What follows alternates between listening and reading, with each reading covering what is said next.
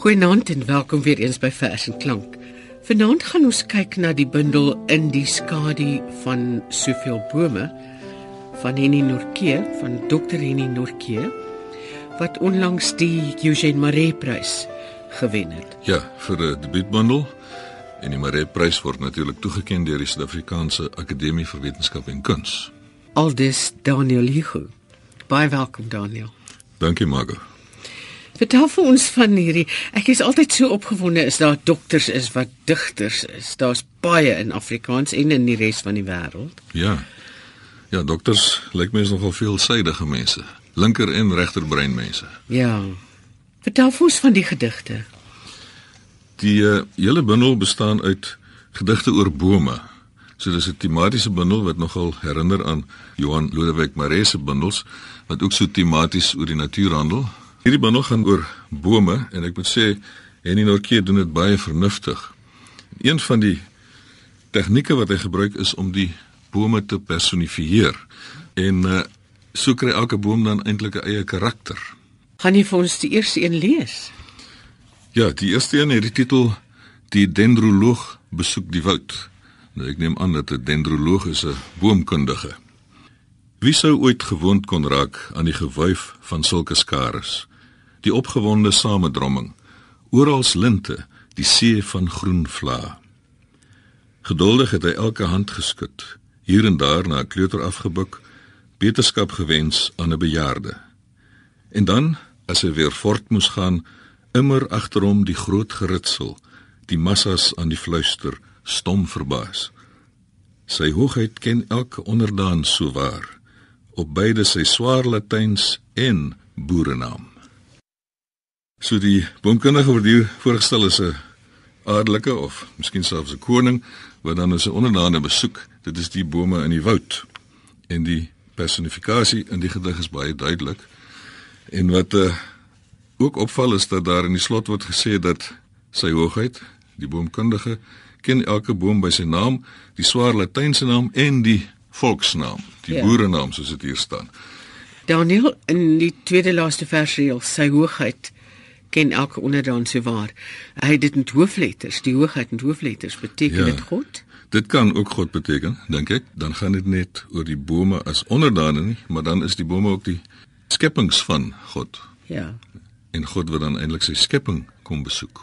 Nou, dit is interessant dat in die volgende gedig word die boom wat beskryf word juis benoem deur sy volksnaam en deur sy latynse naam. Dit gaan oor die fluweel soetbessie. Mite oor die fluweel soetbessie en dan die latynse naam en hakies daaronder, Bridelia mollis. In olifants se ruskamp lank lank terug het hy 'n soetbessie se blaar gepluk. Dit jare knus in sy boomboek bewaar en telkens weer geblaai daarna. Die sagte streel wou hy bly beleef. Eers onlangs, so hy toe moes leer, wie wag om hierdie boom te breek, se kalwers sal voortaan almal verse wees. Hm. Nou daardie verse is natuurlik dubbelsinnig. Dit kan ook dui op gedigte. En dan is die boomboek ook dubbelsinnig. Dis nie net 'n gids tot die bome sê van Suidelike Afrika nie, maar dis dan ook eintlik hierdie bundel self waarin hierdie gedig staan.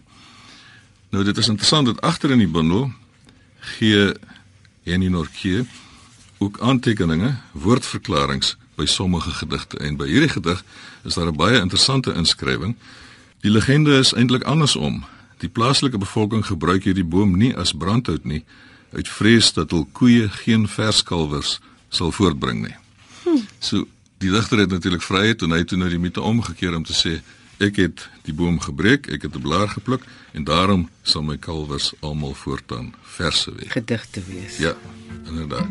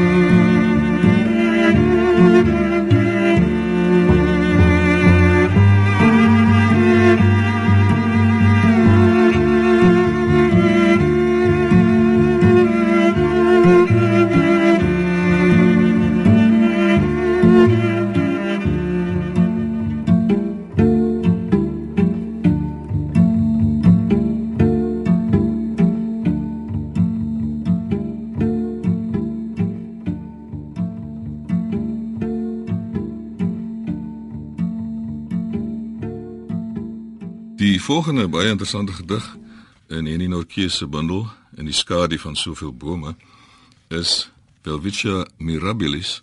Dis daardie oerplant wat in die Namib woestyn groei. En daar is in Afrikaans al talle gedigte oor hierdie plant geskryf onder meer deur Ina Rousseau en van die Olivier en Marie Blomeris en nog ander mense. Welwitschia mirabilis. En dan tussen hakies as subtitel Die tweeblaar kandidoot van die Namib. O selekant van hierdie woestynland.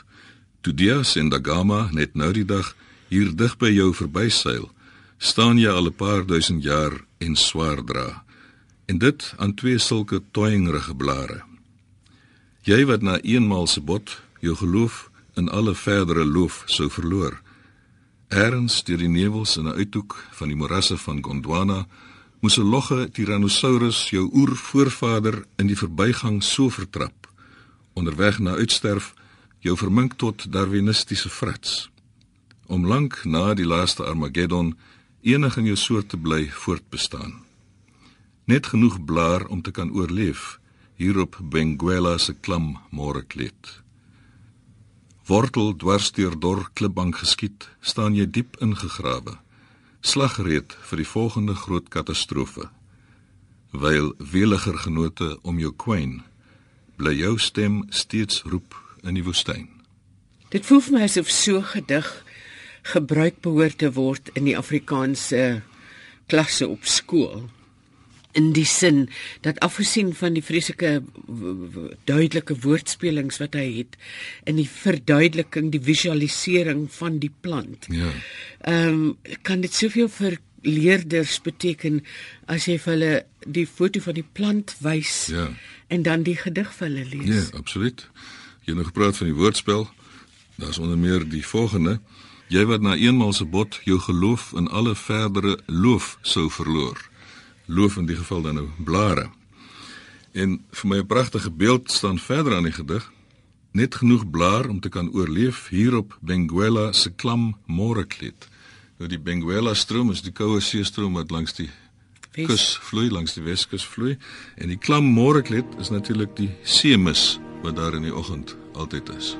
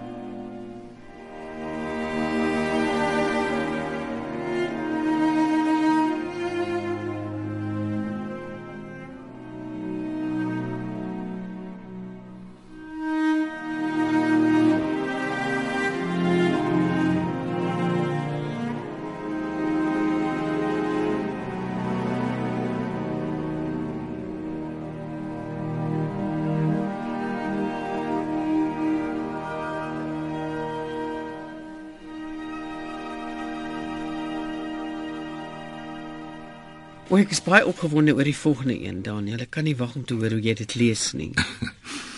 Die titel is Leucadendron argenteum en dit is dan die latynse naam vir die silverblaarboom wat 'n mens hier kry om Teen Kaapstad, Tafelberg, ja, teen ja. Tafelberg en teen Leeukop. Nou hierdie gedig handel oor die besoek aan die Kirst oor 'n besoek aan die Kirstenbos Botaniese Tuin in Kaapstad, eintlik dan daar in Constantia. Daardie oomblik het die kloulose otter onder die rooi mahonie versteen en moes die kossiepalm sy sterflikheid gelate aanvaar. Al was dit uitermate gestraf vir sy onbesonde daad om soos baie om hom ook maar te wou blom. Ook die gehawende huilboerboon het skoon van sy tranevloed vergeet. Ja, selfs die wilde kastanjing haar beheptheid met blare kry 'n wyle versaak. Maar ons, die verdwergtes, moes nogtans by al hierdie wonderwerke verbykyk. Ons oë vasgenaal opslaan na daardie glinsterende gesig waarin ons ledemate ons onwillekeurig sou dra. Om net maar in die verbygang die gloeiende hande te kon streel voor ons weer deur die draaihekke moes terugtol na die deurpaaie en die immer flikkerende skerms daar waar weinig ander sou verstaan vandag teen 'n berghang het 'n silverblaarboom sukkel skaapse winterson mildadig by ons ingekaats Dis daarom baie mooi. dit is baie mooi ja en uh, is interessant dat hy hierdie flikkerende TV-skerms kontrasteer met die flikkerende die blink die glansende die silverboom ja So dikwels is natuurverse of verse oor die natuur vir my amper sielloos, is steriel. En syne is nie. Syne is besonder menslik, ja. En met emosie gelaai, maar die emosie word dan gedurig in bedwang gehou deur die vernuf, deur die verstand. Ja. En van daar dan ook die woordspelings. Koersboom. Hier's baie van hulle in Kaapstad. Ja, die die Kaapse metropool het besluit om oral koorsbome aan te plant omdat hulle seker so min water gebruik. Die koorsboom kom natuurlik eintlik uit die Laagveld en hy word so genoem omdat die vroeë trekkers wat daar hulle daar gaan vestig het het malaria gekry en het agtergekom dat hulle kry malaria oral waar die koorsboom groei. So hulle dan 'n oorsaaklike verband tussen die boom en die siekte gesien wat natuurlik nie werklik bestaan nie. En in hierdie gedig hierdie is dan nou eintlik 'n speelse gedig oor die koorsboom en die feit dat hy nou deesdae hier in die stad op die sypaadjies en op die middelmannetjies staan. Koorsboom. Eens was jy akasia van die laagtes, waar trekkers tot die dood toe die gevreesde koors kon kry. Nou staan jy as suurboom van die voorstad en pendel ons morsdoodmoeg in koorsagtigheid verby. Nou die koorsboom is 'n soort akasia, maar uh, sedert onlangs mag ons nie meer die woord akasia in Suid-Afrika gebruik nie. Akasia word nou gereserveer vir 'n sekere groep bome waarvan daar 1000 soorte bestaan in Australië. Ons moet ons akasias of ons akasias is alreeds hernoem. So eintlik as 'n uh, Henny Nortjie se bundel herdruk word, sal hy ook nou die nuwe benamings by die bome die moet gebruik. Latijn, ja. ja. Die volgende gedig sluit eintlik aan by die een wat ek pas gelees het oor die koorsboom. Dit is sekondêre pad. Hier is nou nie 'n boom in hierdie gedig nie. Dis een van die min gedigte in die bundel waar daar nie 'n boom in staan nie. Sekondêre pad.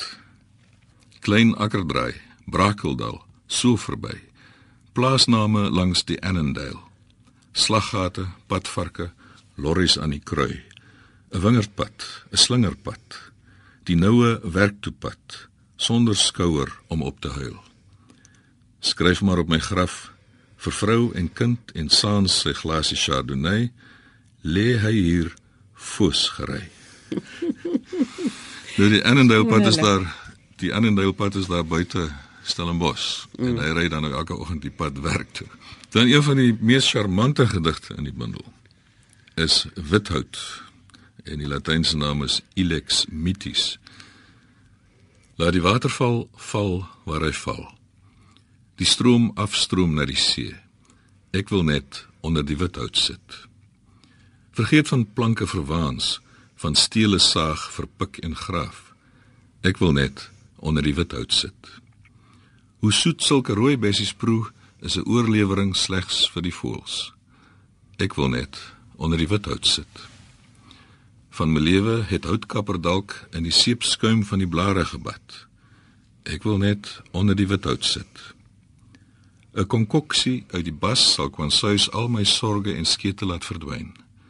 Maar ek wil net onder die wit hout sit. Maak toe al jou boeke. Kom sit hier by my.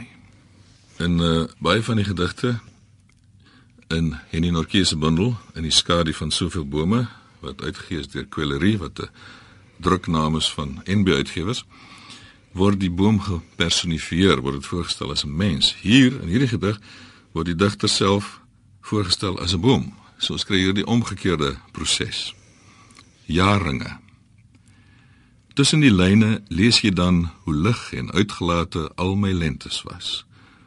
Hoe oomblikke van somer my jaarliks donkerbrons kon brand. Maar oor landskappe geverf in die groot galery uitgestal elke herfs, my gebibber winter op winter, my gedwee gebuig voor wind en weer, hieroor meld die geskrif nie veel. Oor die klein heldedade van 'n halwe leeftyd staan daar geen woord geskryf in hierdie stomp vertaling van my lyf.